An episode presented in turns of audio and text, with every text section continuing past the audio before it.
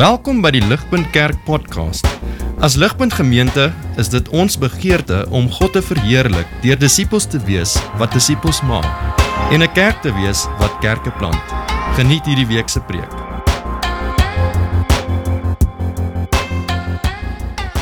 Vriende, ek het so so paar jaar gelede te Ligpunter vir my 'n boek gegee. Dit behoort hier op die skerm hier agter my op te kom, 'n boek wat 'n ligpunter vir my gegee het om te lees.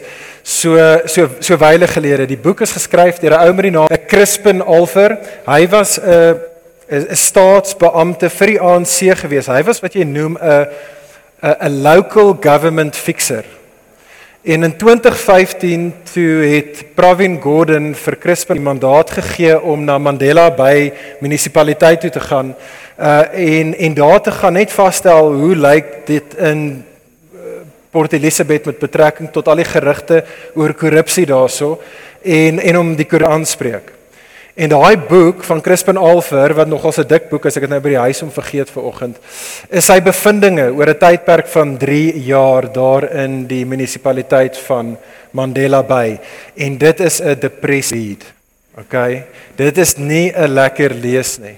Dit skets vir jou en vir my hierdie aaklige aaklige prentjie van hoe hierdie staatsbeamptes daar in Port Elizabeth asook die plaaslike politikuste magdom van rykdomme en kontrakte ontvang vanaf die staat af juis sodat hulle dit sal aanwend tot die voordeel van die staat tot die voordeel van die stad se mense maar hoe daai ouens gegaan het en hulle eie koffers vol gemaak het En hoe hulle gegaan het en al daai geld en al daai kontrakte gebruik vir eie gewin en vir die voordeel van hulle vriende en van hulle familie. En jy lees die boek in jou bloed kook en alles in jou wil uitroep vir regverdigheid. En ek begin hier vriend, saam 'n prentjie vir jou en vir my om in gedagte te hou soos wat ons nadink oor iets wat die Bybel baie duidelik oor is, maar wat ons in gerieflikheid baie kere half miskyk prentjie of dit is hierdie metafoor wat ons in die Bybel sien dat dit wat ons daarso sien in Port Elizabeth en in baie plekke in ons land en in die wêreld is maar eintlik wat waar is van ons as die mensdom in geheel soos wat ons staan in verhouding as die gewer. Dink saam met my in Genesis 1 vers 26 tot 28. Sê vir ons dat God het juis ons as die mens geskep vir hierdie rede. Hierdie is ons bestaansrede. God skep ons Genesis 1:28 en hy seën die mens sodat die mens dan 'n kanaal kan wees waardeur die seëning van God sal vloei na 'n wêreld wat dit nodig het. Ons is as dit ware rentmeesters. Die Engelse woord is stewards. Ons is te bestuurders. Nie van ons eie bates nie, maar daar's 'n God wat ons seën sodat ons 'n seëning sal wees vir die wêreld uh, om ons. Dit is die mens se bestaansrede. Vriende, dit is hoekom God dan in 'n spesiale verhouding ook tree Abraham en sy nageslag. Wat is die ding wat God heeltyd vir hulle sê soos hy hulle roep? God sê vir Abraham en vir sy nageslag, ek sal julle seën sodat julle 'n seëning vir die wêreld sal wees. Dit is hoekom die profete in die Ou Testament Israel toe kom en die profete vermaan vir Israel en sê vir hulle hoorie so well done Israel, julle is baie godsdienstig. Well done met dit. Maar julle mis julle roeping. God is juis 'n verhouding met julle sodat vir die nasie sal wees, sodat julle 'n seëning kan wees vir die wêreld. En die profete kom en oor en oor vermaan hulle omdat hulle nie omsien na die weduwees in hulle midde nie, nie omsien na die weeskinders in hulle midde nie, dat hulle nie omsien na die vreemdelinge op die kante van die samelewing sit nie. En vriende, dit is hoekom letterlik in die teksgedeelte voor die gedeelte wat nou net vir ons gelees was, vind ek en jy in Lukas hoofstuk 3 vir Johannes die Doper. En die skaam na Johannes die Doper toe want hier sien hulle 'n man van God. En die skare kom na Johannes Johannes die Doper toe en wat sê Johannes die Doper vir hulle? In Lukas hoofstuk 3 hy kyk na die mense en hy sê julle is 'n adder geslag. Julle is 'n adder gesie vir hom, maar hoekom? Wat is dit wat ons moet doen? Wat staan ons te doen? En net in die gedeelte voor ons gedeelte kom Johannes die Doper en hy sê wie twee kledingstukke het, moet dit deel met iemand wat niks het nie. En wie kos het, moet dieselfde doen. Hy moet dit deel met die wat nie het nie.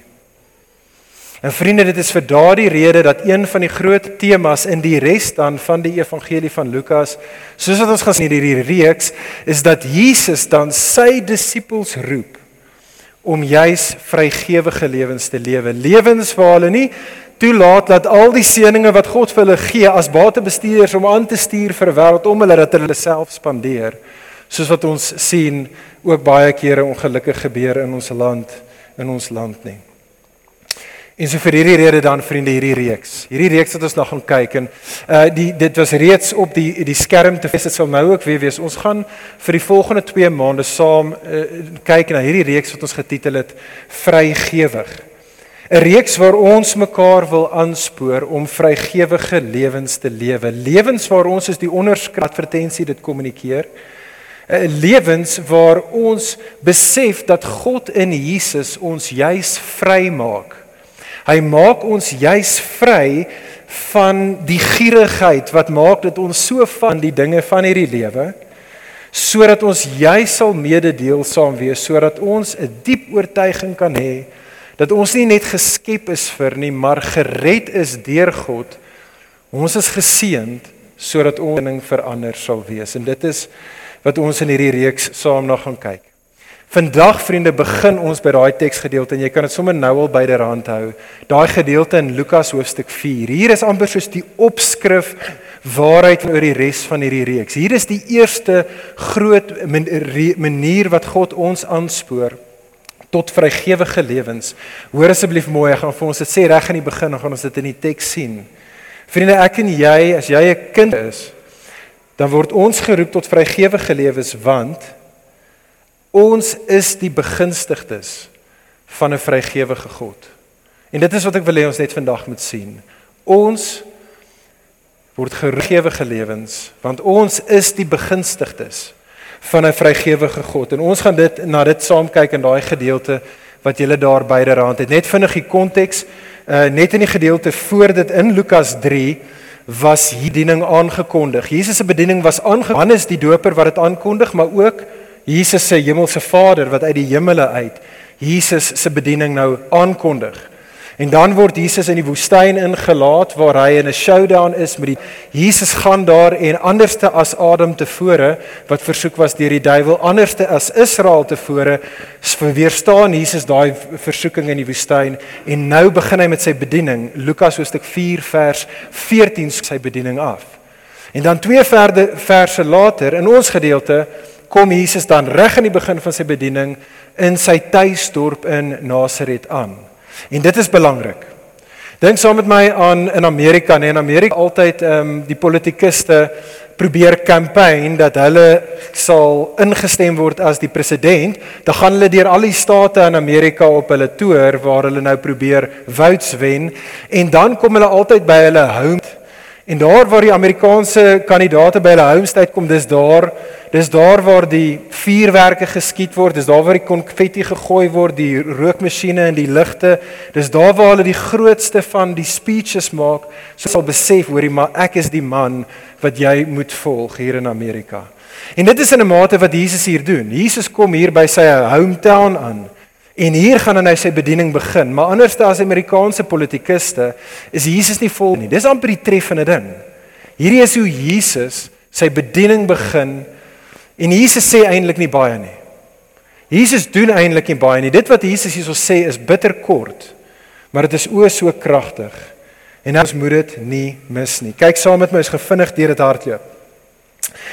Lukas sê vir ons dit is Jesus is nou daar in Nasaret, hy's in sy tuisdorp. Dit is die Sabbat en hy's daar in die sinagoge saam met die res van die louk in Nasaret.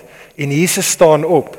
Hy staan op om iets te deel uit God se woord uit. En so hy gaan vorentoe en hy ontvang die boekrol van Jesaja. Onthou op daai stadium is die Bybel nie gebind soos ou het nie. Jy het die Ou Testament en dit is almal hierdie verskillende rolle en Jesus kies die boekrol van Jesaja, nogal 'n lang boek, 66 hoofstukke, en hy gaan en hy kyk en hy kies baie spesifiek die gedeelte uit Jesaja 21 vers 1 en 2. Dit is daardie verse wat in ons gedeelte daarso aangehaal word vir ons in vers 18 tot 19 Jesus lees dit dan. Jesus lees en ek wil dit weer vir ons lees. Jesus lees daar in die sinagoge: "Gees van die Here is op my, want hy het my gesalf om die goeie boodskap aan arme mense te verkondig. Hy het my gestuur om vir gevangenes aan te kondig dat hulle vrygelaat sal word en vir blinde weer sal sien, om onderdruktes te bevry en om die genadejaar van die Here aan te kondig. En toe Jesus dit klaar gelees het, toe stop hy. En hy rol die boekrol op, hy gee dit terug aan die amptenaar, loop vir en hy gaan sit weer. Almal dadelik weet okay, hier's hier's iets aan die gang. En Lukas sê vir ons daarso almal se oë was op Jesus gewees. Dis so perfekte die millennials sal praat van 'n mic drop moment. Kyk vir Jesus en al wat Jesus sê is die volgende. Jesus sê vandag hier in julle midde is hierdie woorde wat Jesaja gespreek het. Vandag is dit nou hier vervul in julle midde. Dis wat Jesus sê. Dit is hoe hy sy bediening begin. Daar's 'n mic drop moment. En vriende, ek wil hê ons moet 'n bietjie nader kyk na daai twee verse in vers 18 tot vers 19. Want vriende, dit wat Jesus hier sê in hierdie gedeelte, so kort maar so kragtig, is die belangrikste nuus vir die wêreld. Dink daaroor as Jesus sy aardse bediening publiek begin, dan gaan hy dit sê wat die belangrikste ding is wat hy kan sê. En dit is jou en my geleentheid vandag om dit te hoor. Ek wil hê ons moet sien wat Jesus vandag hierso sê. Ek wil hê ons moet kyk na Jesus se aankondiging en bloot kyk na wat is die implikasies daarvan vir ons. Daar's twee dinge in vers 18 en 19 is aankondig en dan is daar twee implikasies vir ons. En dis al wat ek wil hê ons vanoggend saam na moet kyk. So eerstens dan Jesus se aankondiging daar in vers 18 tot 19. Kyk saam met my. Eerste ding, sien raak vriende wat wie hy is. Moet dit nie mis nie sien raak wie Jesus aankondig wie Jesus sê hy is. Jesus begin vers 18 en hy sê die aankondiging is die gees van die Here in my. Dis belangrik. Dis belangrik en dis nie die eerste keer in die evangelie van Lukas waar dit duidelik gemaak word dat die gees op Jesus is nie. In Lukas 1 het ons gesien net vir en die engel Gabriël sê vir Maria dat die Gees sal op jou kom Maria en jy sal 'n kind in die wêreld inbring. Daai seun word groot, sy naam is Jesus en na 30 plus kom hy by die Jordaan om daar gedoop te word. Johannes die Doper sê ek doop met water, maar hy sal doop met die Gees, hierdie Jesus. Soos wat Jesus in die water ingaan, daal die Gees op Jesus dan in die vorm van 'n duif. Lukas hoofstuk 4 vers 1 sê Lukas vir ons Jesus gaan in die woestyn in en hy gaan in die woestyn in vol van Hy kom uit die woestyn uit, hy begin sy aardse bediening en Lukas sê vir ons in Lukas 4 vers 14 Jesus begin sy bediening in die krag van die Gees. So dis 'n baie groot tema vir Lukas dat die op Jesus is en die hele rede hoekom Lukas dit oor en oor vir ons die punt gemaak het is gegeewe Jesaja 61 vers 1. Alles het opgebou na hierdie punt, hierdie aankondiging van Jesus wat sê die gees van die Here is op my. Nou die vraag jy moet af self afvra is, maar wat is die punt daarvan? Wat beteken dit? Hoekom sê Jesaja dit en Jesus dit nou dat die gees op hom is? En vriende vir dit is dit absoluut belangrik dat ek en jy moet gaan na die boek Jesaja toe. Want die ouens daar in die sinagoge toe Jesus dit die eerste keer gelees het, sou verstaan dit, maar ek en jy is nie Jode nie en ek en jy ken ongelukkig nie soos hulle ons Ou Testament so goed nie. En so ek en jy het net vir 'n oomblik nodig stap toe te doen deur die boek van Jesaja om te verstaan hoekom hierdie so belangrike aankondiging van Jesus is. So die boek Jesaja In die boek Jesaja kom die profeet Jesaja en hy praat met God se mense, Israel op daardie stadium en hulle is diep behoeftig. Hulle is in groot nood. Die rede vir hulle behoeftigheid en hulle nood, sê die profeet Jesaja vir Israel, is weens hulle sonde en dit is weens hulle ongeregtigheid. Dit is omdat hulle is nie 'n mense wat werklik lewende verhouding waar hulle lief is vir God met hulle hele hart en siel en verstand nie. En hulle is verseker nie mense wat met hulle naaste of hulle lewe asof hulle naaste lief is soos hulle self nie. Die beeldspraak wat Jesaja gebruik in die boek Duisternis van donkerte en hy sê vir Israel, hy sê vir die Jode, julle is mense wat in duister is. En Jesaja sê vir hulle, hulle is mense wat letterlik in slawerny vasgevang word. Hulle is onderdruktes deur al die nasies om hulle en dit is weens hulle sonde en ongeregtigheid en dat hulle is op pad om as in ballingskap te wees en hulle gaan letterlik slawe wees ver weg buite God se beloofde land weens hulle sonde en hulle ongeregtigheid. Maar reg deur hierdie boek kom die profeet Jesaja en hy sê maar daar is hoop vir God se mense in hulle sonde, in hulle ongeregtigheid, soos wat hulle in duisternis is, soos wat hulle verdruk is en slawerny gaan wees. Daar's hoop vir hulle en hulle hoop is gesetel in iemand wat genoem word die Messias. Dit is wat die profeet sê.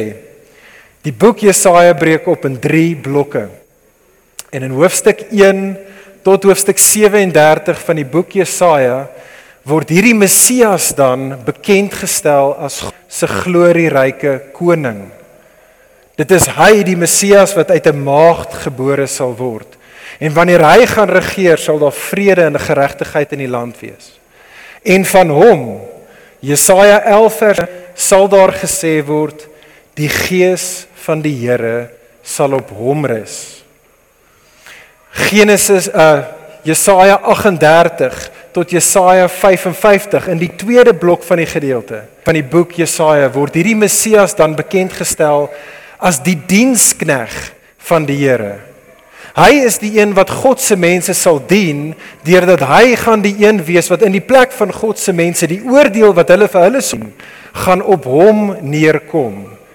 En van hom word daar gesê van hierdie Messias in Jesaja 42 vers 1 sê die Here vir die Messias ek het my gees op hom gas die dienskneg.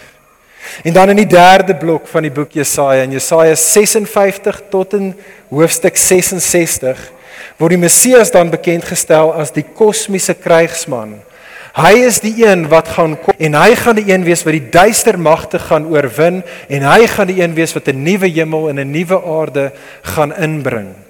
En van hom die krygsman word daar gesê in Jesaja 59 vers 21 is op my gees sê God is op jou die krygsman.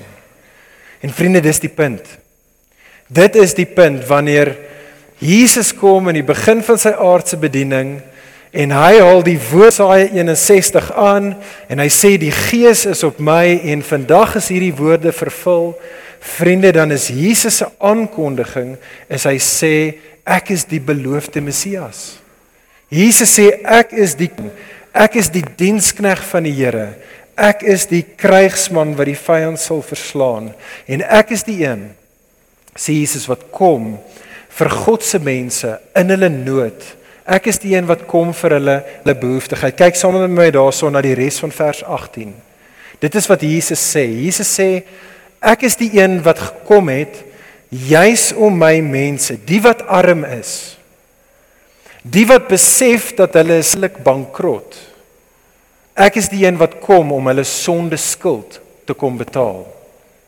Ek is die een sê Jesus wat kom vir vir hulle wat die gevangenes is Hulle wat in hulle sulke slawerny, slawerny tot hulle eie sonde en die en, en tot die tot die duiwel daar buite. Ek is die een wat gaan kom om hulle in hulle slawerny te kom vrylaat.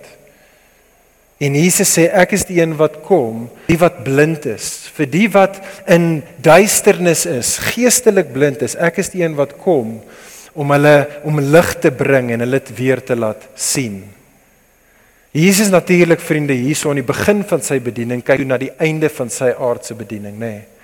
Jesus antisipeer hier na dit wat ons gaan later sien in die evangelie van Lukas soos wat Jesus kruis toe gaan gaan.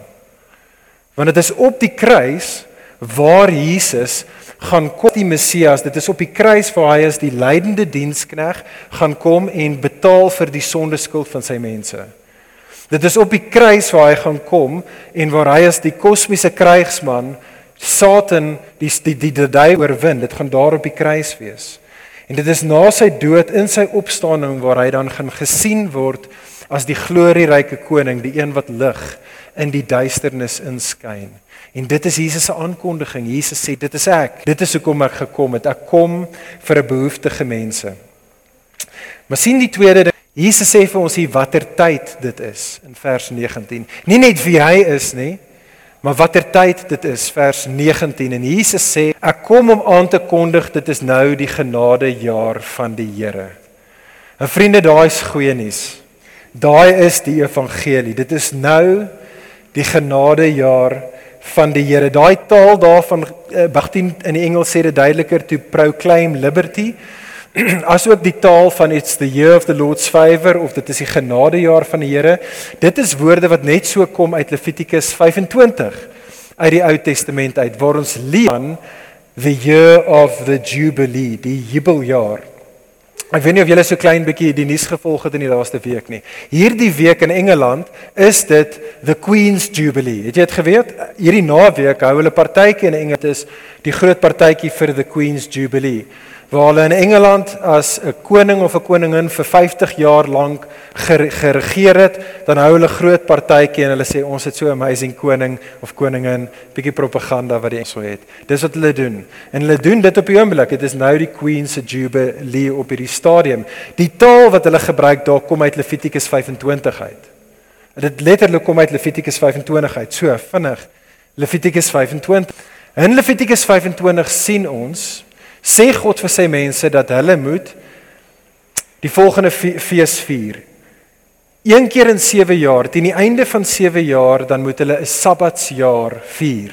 In die Sabbatsjaar is dit 'n tyd wanneer hulle moet ophou werk. Hulle mag nie hulle landerye meer bewerk nie. Want die land moet rus en die land moet herstel daai 7de jaar. En dan na 7 kere klusse van 7 jaar na 49 jaar wanneer hulle 7 keer dit deur dit gegaan het dan in die daaropvolgende jaar op die dag van versoening met hulle trompet blaas. En dit kondig aan die jaar. Dit kondig aan the year of the jubilee. Dit kondig aan dat nie net in daai jaar die land gaan rus en herstel nie maar God se mense kan nou rus. God se mense herstel en op the year of jubilee word alle skulde word vrygestel. Dis amper soos as jou rekenaar, nê, nee, as jou rekenaar vir 'n lang tyd te veel gewerk het en hy virusse en melvat jy hom na 'n ou toe en dan restore hulle dit tot factory settings. Dit is wat the year of jubilee is. Almal in die land word gerestoreer tot factory settings toe een keer in 50 jaar. En as jy in Israel was met al jou skulde, dan word jou skulde vrygestel. As jy skulde het, dan word dit afgeskryf. Jy kry 'n e-pos vanaf FNB wat sê meneer Verster, daai verband van jou staan op 0. Imagine dit. Dit sal amazing wees. Tot brilliant wees. En En as jy op daardie stadium jou land gegee het oor daai tydperk van 50 jaar vir iemand anders as sekuriteit, want want jy kon nie iets betaal nie, dan kry jy jou land terug, jou stuk grond. En as jy selfs jouself of jou familie as julle slawe geword het van iemand, dan na 50 jaar dan is jy nie meer 'n house slaaf nie. Jy's nou vry. Jy's gerestoreer tot jou factory setting. Jy is nou totaal vry en vriende, dit is wat Jesus sê. Jesus sê in vers 19: "Nou dat ek gekom het, verkondig ek dit is nou the year of jubilee. Dis nou die genadejaar van die Here. Dit maak nie saak wie jy is nie. Dit maak wat jou sonde skuld mag wees nie. Nou dat ek hier is, is daar 'n geleentheid vir jou dat daai skulde kan afgeskryf word. Dit maak nie saak hoe sterk daai ketTINGS is van jou slawerny, wat jou sonde en die duiwel jou invloed. Nou dat ek hier is, sê Jesus, kan daai ketTINGS afgebreek word. Dit is die genade jaar van die Here. As jy in die duisternis is, nou is die tyd wat die lig gaan skyn, sê Jesus, kom na my toe. Kom. En so vriende, ek en jy het nodig om dit te sien. Ek en jy het nodig om dit te besef. sien raak en besef dat Jesus en sy koms is niks anderste as 'n vrygewige God wat jou en my in ons behoeftigheid kom ontmoet nie. Daar waar ek en jy is as 'n sondige mense in ons ongeregtigheid, is daar 'n oorvloedige vrygewige God en hy gee homself. Hy gee sy in en hy sê sê nou is dit die genadejaar van die Here vir julle in julle behoeftigheid, in julle slawerny, in julle duisternis, in julle skulde. Hier kom ek nou om julle te kom ont En vriende, al wat ek wil hê ons moet doen in die res van ons tyd saam is net saam dink basies van Jesus se aankondiging. Die implikasies waar Jesus sê dat hy het gekom as die oorvloedige vrygewige geskenk van God af aan jou. Twee dinge wat ek en jy behoort te doen in die lig van dit. Twee implikasies vir ons. Eersteen is dit Vriend vriendin soos Jesus sit, kom ons ontvang God se ontferming. Kom ons ontvang God se ontferming. Jy sien ek vermoed ek vermoed die rede hoekom As ons moet eerlik wees op die beste van tye, as ons aan God dink, dink ons nie aan God as 'n vrygewige God nie. Ek dink nie ons doen nie. En ek dink die rede daarvoor op die beste van tye is omdat ons nie werklik ons eie behoeftigheid op die beste van tye besef nie. Dis die gevaar nê vir Afrikaners soos ons. Ek hoop jy is bewus daarvan. Dis die gevaar van kultuur Christendom. Die gevaar vir 'n mens soos ons is dat ons is so semi-godsdienstig, ons is so semi-moreel. Ons is meer godsdienstig en meer moreel as meeste van die ouens daar buite en verseker as Hollywood en so ons is eintlik alright. Dis die gevaar vir Afrikaners. En vriende, ek en jy moet besef dit is juis vir mense soos ons na wie die profeet Jesaja toe gekom het in die Ou Testament. Hulle gesê het skrik wakker. Skrik wakker. Jy's geestelik bankrot. Jy is 'n slaaf tot jou slawedrywers. Jy's geestelik blind. Vriende, dit is vir mense soos ons, ons Afrikaners, na wie Johannes die Doper as 'n Nuwe Testament profeet toe gekom het en gesê het: "Skrik wakker." Jy's deel van 'n ander geslag. Vriend, vriende, ek het nodig om te besef. Ons is bitter in en van onsself is ons bitter behoeftig. Godsdiens en semi-moraliteit kon nie gered het nie. Dit kan jou en my nie red nie. Ons is behoeftig, ons benodig redding. En ek en jy het nodig om dit te besef. En vriende, hoor mooi en ek wil die punt leiber want ons het vanoggend gedoop. Dit is wat die doop in 'n groot mate keer. Ons het vanoggend hier gedoop. Hier was 'n 'n baba vanoggend gedoop en ons doop ook hier vanaand. Daar word 'n gelowige vanaand gedoop by die aanddiens. So ek wil die tyd hê uh, kommunikeer want want dit is waar die doop. Ek wil hê ons moet dit verstaan. Vriende in die doop. Soos wat ons doop, wil ek en jy onthou. Ons wil terugdink aan Lukas 3. En ons wil Johannes die Doper se doop onthou en ons wil Jesus se doop onthou. Jy sien in Johannes die Doper se doop het die water het vir daai ouens iets beteken en dit behoort vir jou en my iets beteken. Water in die Ou Testament het die eerste plek simboliseer oordeel. Soos ons reeds genoem het vanoggend, dink terug aan die storie van die mense in die tyd van Noag. Water simboliseer oordeel. Maar water simboliseer ook verlossing vanaf jou vyande af. Dink aan die storie van Israeliete en die Egiptenare die Rooi See. Water in die Ou Testament simboliseer om gereinig te word van jou sondes. Dink aan die storie van die heiden Naaman en die profeet Elisa. Water in die Ou Testament simboliseer 'n mens se toegang tot die beloofde land. Dink aan Josua en die Israeliete wat deur die Jordaan in die beloofde land betree. Vriend vriendin, wanneer ek en jy kom, ons vier die doop, dan in die eerste plek kommunikeer ons dit aan God en aan mekaar. Ons sê ons is 'n behoeftige mense. Ons is 'n mense wat skuldig staan voor God. Ons is 'n mense wat die oordeel verdien. Ons verdien dit. Ons is 'n mense wat nodig het in ons slawerny om van ons slawedrywers verlos te word en dit kan net deur water gebeur. Ons kommunikeer in die doop dat ons is mense wat gewas moet word van ons sondeskuld, van ons vuilheid. Ons is mense wat smag na 'n beloofde land waar ons nog nie in is nie. Vriende, dit is wat ons in die doop kommunikeer. Kan ek jou vra as jy hierso sit? Dit wat die doop kommunikeer, is dit iets wat in jou lewe al gerealiseer het?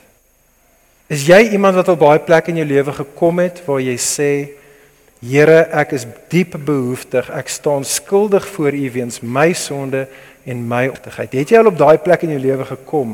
Want vriend vriend as jy nie by het gekom het, ek gee nie om hoeveel keer jy in die kerk was nie. Jy's nie 'n Christen nie. Blessed are the poor in spirit, sê Jesus. Dit is hulle wat besef hoe geestelik hulle in en van hulle self is. Hulle wat besef hulle slawe, hulle wat besef dat eers kom, dit is die begin van die Christen lewe.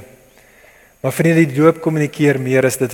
Daar was nie net Johannes die doper se doop nie. Lukas 3, Jesus word dan gedoop. En in Jesus se doop in Lukas 3 kom Jesus. En soos wat Jesus in die Jordaan ingaan, sê Jesus deur self gedoop te word, sê Jesus: Ek is die een wat namens mense die waters van oordeel sal betree. Ek is die een wat daai waters van oordeel gaan betree sodat hulle van hulle slawe drywers af vrygemaak kan word sodat hulle van hulle sonde skuld gereinig kan word sodat hulle nou toegang kan hê tot die beloofde land toe. En vriende, soos wat ons doop, is dit ons hoop. Ons kyk na Jesus en ons sê Jesus, dit is net jy, dit is net jy wat my kan red van die net jy wat my kan reinig van my sonde skuld. Jesus, ek kan dit nie doen nie. Dit is net jy as die Messias. Dis net jy wat dit kan doen en my in die beloofde land kan inbring. Jesus, dit's alles net wat jy kan doen. Vriend, vriendin, kan ek jou vra? Soos wat jy vandag dit wat die doop kommunikeer, het dit al in jou lewe gerealiseer.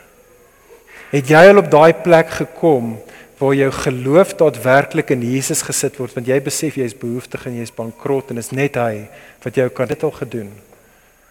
Vriende, vandag is daar 'n uitnodiging. Jesus sê vir jou en vir my dit is die genadejaar is nou the year of the Lord's favor. Daar's nou 'n venster, daar's nou 'n seisoen vir jou en vir daar's nou 'n tyd wat ons na hierdie Jesus toe kan kom. Daai seisoen gaan tot verstreke kom op 'n tyd. Dan is dit nie meer die genadejaar van die Here nie. Maar nou is dit die genadejaar van die Here. En so hier die Here roep jou as jy dit nog nie gedoen het om in geloof en bekering na hom toe te draai. En om dit te doen is so maklik soos en dit is so moeilik soos om net hier waar jy nou is te bid en na Jesus in geloof te kyk en te sê jy is die koning. Ek is nie. Sal jy oor my regeer? Jesus, jy is die dienskneg van die Here. Ek kan nie myself dien nie. Ek kan nie ek kan nie die, dit doen nie. Jesus, sal jy my dien deur dit wat jy op die kruis gedoen het? Dit is ek en jy wat in geloof na hierdie Jesus kyk en ons sê vir Jesus, Jesus jy's die krygsman. Nie die duiwel nie, maar jy kan. Jesus sal jy vir my veg. Vriende, dit is wat Jesus ons tot nooi. Dit is waaroor sy bediening gegaan het. Hier is dan die laaste, die tweede implikasie, die laaste ding wat ek ons tot wil roep. Dit wat Jesus kom doen het, vriende, roep jou en my nie net om God se ontferm vang nie, maar tweedens dan en soos wat ons aan hierdie reeks dink, Die implikasie van dit wat God en Jesus vir ons gedoen het is ontferm jou ook dan oor ander. Moenie net iemand wees wat God se ontferming ontvang, maar ontferm jou dan ook oor ander. Kyk weer daar saam met my op die blaadjie na daai vers. Ons is amper daar. Wanneer Jesus daarso in vers 18 en 19 Jesaja 61 aanhaal, een lyntjie in dit wat Jesus daar sê, wat nie uit Jesaja 61 uitkom nie. Dis die lyntjie daar in die laaste gedeelte van vers 18 wat praat van dat hy sê hy het gekom om die onderdruktes te bevry. Van die Engels lees dit to let the oppressed go free. Daai woorde kom nie eintlik uit Jesaja 61 uit nie, maar Jesus werk dit in Jesaja 61 in. Daai woorde kom uit Jesaja 58 vers 6 uit. En oorspronklik was daai woorde nie woorde oor die Messias wat die Messias sal vervul nie, maar daai woorde was in Jesaja 58 woorde wat God se mense geroep word en wat van God se mense verwag sal word. So kom ons kyk gou vinnig saam na Jesaja 58. Dit gaan op die skerm wees. Ons gaan dit net lees. In Jesaja 58 is Jesaja die profeet besorgd oor die mense se aanbidding God se volk tot ware aanbidding. Jy sal sien daar in vers 3, die volk roep uit en hulle sê God, aan God, "Why have we fasted and you see it not?" Die volk sê vir God, God offer godsdienstig. Ons gaan elke dag tempel toe en ons bid en ons doen al hierdie goeders en ons vas, maar Here, dit klink asof U ons nie sien nie en asof U ons nie hoor nie. En dan kom die profeet Jesaja in Jesaja 58 en hy roep hulle tot bidding en hy sê vers 6 Is this not the fast that I choose? That you lose the bonds of wickedness to undo the straps of the yoke to let the oppressed be and to break every that you should share your bread with the hungry and bring the homeless poor into your house. When you see the naked, to cover them and not to hide yourself from your own flesh. Then light break forth like the dawn, and your healing shall spring up speedily. Your righteousness shall go before you, the glory of the Lord shall be your rear guard. Then you shall call, and the Lord will answer. You shall, and he will say, Here I am. If you take away the yoke from your midst, the pointing of the finger and the speaking of wickedness, if you pour yourself out for the hungry and satisfy the desire of the afflicted, then shall your light rise in the darkness and your gloom be as noonday. Vriende hoor mooi. Deur Jesaja 58 en Jesaja 61 aan mekaar te verbind, is Jesus se punt dat daar is 'n verwantskap tussen sy bediening en die bediening wat sy mense tot geroep word. Kyk daarson na Lukas 18. Jesus se punt daarmee is dit dat die onderdruktes wie hy wat Jesus is bevry. Hulle word juis vrygemaak sodat hulle vrygewig is. Dat die wat in Jesus God se barmhartigheid ontvang. Juist dan 'n mens sal wees wat barmhartigheid sal toon aan ander in hulle nood en in hulle geit. En vriende, ek gaan nie nou te veel oor dit sê nie, maar dit is wat die res van ons reeks dan verder oor gaan gaan.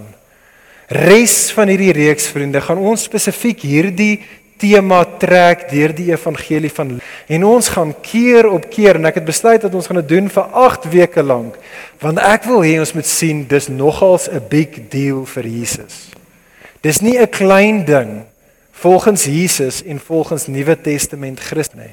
En wat ons gaan sien in hierdie reeks, is ek wil jou uitnooi dit tot dit, is hoe Jesus ons gaan herinner dat as ons sy disippels is, is ons juise mense wat geseën is sodat ons 'n seëning vir ander sal wees en ons gaan keer op keer dit sien. Ons gaan in hierdie reeks sien vriende dat Jesus ons roep. Jesus roep ons en sê dink anders te oor jou lewe. Disipel van my, is as jy 'n rentmeester. Dis hoe jy altyd oor jouself dink. Jy is 'n stuur, jy's 'n batebestuurder, nooit van jou eie bates nie. So Jesus roep ons dus om vrygewige lewens te lewe. Hy gaan ons roep ja dat ons moet vrygewig wees met ons geld, maar dis nie net dit nie. Jesus roep jou en my as sy disippels, as hierdie batebestuurders om God se seëninge te versprei in die wêreld, roep hy ons om vrygewig te wees met ons vaardighede, met ons talente, dat ons nie daai goeders net spandeer op onsself nie, maar vir 'n wêreld wat behoeftig is. Jesus gaan ons roep om vrygewig te wees eh, met ons tyd, met ons dagboeke, Om dit nie net te spandeer op ons en ons kinders nie, maar eintlik te spandeer op 'n wêreld in nood en in behoefte. Jesus gaan ons roep om vrygewig te wees met ons huise. Om ons huise oop te maak, gasvry te wees, om ander in te nooi in daai spasie sodat hulle iets kan sien van hierdie vrygewige God. Jesus gaan ons roep gewig te wees in ons verhoudings met mekaar en jouselfs met ons vyande. Hy roep ons tot vrygewigheid. Hoekom? Want ons is 'n mense wat eerstehands die vrygewige ontmoet het, geproe het en leer ken het. En ek sluit hiermee af. Ek sluit af.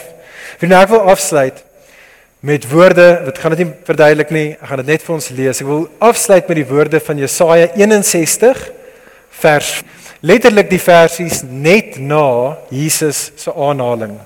En ek wil daarmee afsluit want dit het my herinner aan dit wat ek mee begin het in die begin, daai woorde van Crispin Oliver in sy boek How to Steal a City. En so kom ons sluit die woorde van Jesaja 61 vers 4. Vriende, wat ek wil hê ons moet verstaan dat 'n mense wat God se vrygewigheid in Jesus eerstehands ken en proe, sulke mense sal nie 'n mense wees wat steel van hulle stad of van ander mense af nie.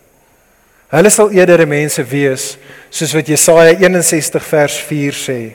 En ek sluit hiermee af. God se mense sal soos volg wees. They shall build up the ruins. They shall raise up the former devastations. They, God's people, shall repair the ruined cities, the devastations of many generations. Mag dit waar wees van elke mense wees.